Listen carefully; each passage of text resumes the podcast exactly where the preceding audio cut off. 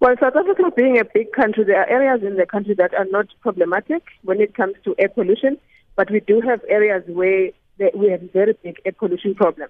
And uh, those areas have been declared by the minister to be national air priority, air priority areas.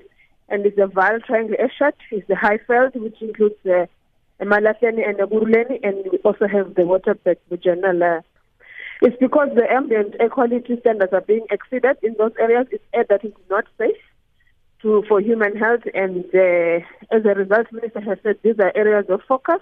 We need to develop air quality management plans and implement those to ensure that we resolve the problem. The sources in those areas are a lot of industries, a lot of mining to feed coal into those industries mostly, but we also have uh, burning of coal in people's homes, which adds to the problem and we have, you know, vehicle emissions from cars and everybody. So it's a complex mixture of the problem uh, of the sources in those areas. Kumalo sê dit is duidelik dat mense al seker word van die vuil lug. We have been able to establish that there's plenty of literature out there we have seen, but we also have a whole lot of respiratory problems. So sensitive groups like asthmatic people will be constantly sick, but we have people who, who don't have uh, naturally problems that get sick with your bronchitis, type chest. We have also cardiovascular impact from those, but we have other additional, like uh, other people have underweight babies, stillborns.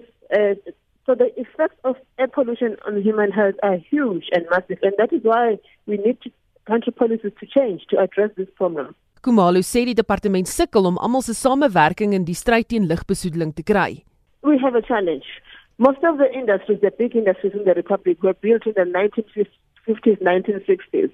And the laws over the period of time were controlling only particulate matter and not so much the gaseous, your gas pollutants, if I, if I can put it a name like that. So we have the new law that is now controlling everything, having been introduced in 2010.